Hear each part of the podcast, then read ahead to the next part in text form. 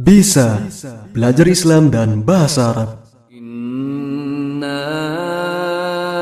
anzalnahu Qur'anan Arabiyyan la'allakum ta'qilun. Sesungguhnya kami menurunkannya berupa Al-Qur'an dengan berbahasa Arab agar kamu memahaminya. Assalamualaikum warahmatullahi wabarakatuh.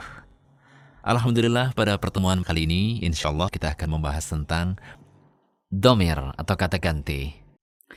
Di antara pembahasan yang penting diketahui oleh orang yang baru belajar bahasa Arab adalah pembahasan tentang domir atau kata ganti. Ini penting karena dalam bahasa Arab, kata ganti sangat spesifik. Kita mengenal dalam bahasa Indonesia ada beberapa kata ganti yakni kata ganti orang pertama yaitu aku dan kami. Kata ganti orang kedua yaitu kamu dan kalian.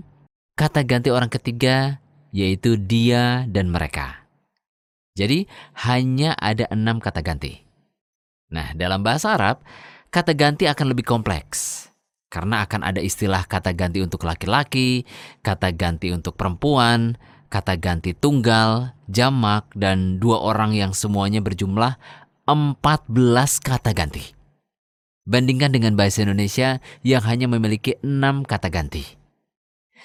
Apa saja kata ganti tersebut? Berikut penjelasannya. Kata ganti orang ketiga. Ghaibun.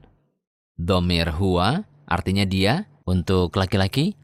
Huma mereka berdua untuk laki-laki. Hum, mereka, untuk laki-laki.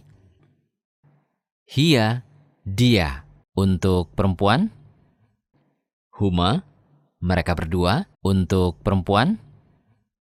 Hunna, mereka, untuk perempuan. Kemudian kata ganti orang kedua. Mukhatabun, domir anta, untuk laki-laki. Artinya kamu, antuma, kalian berdua untuk laki-laki, antum kalian untuk laki-laki, anti kamu untuk perempuan, antuma kalian berdua untuk perempuan, antunna kalian untuk perempuan. Kata ganti orang pertama, mutakallimun.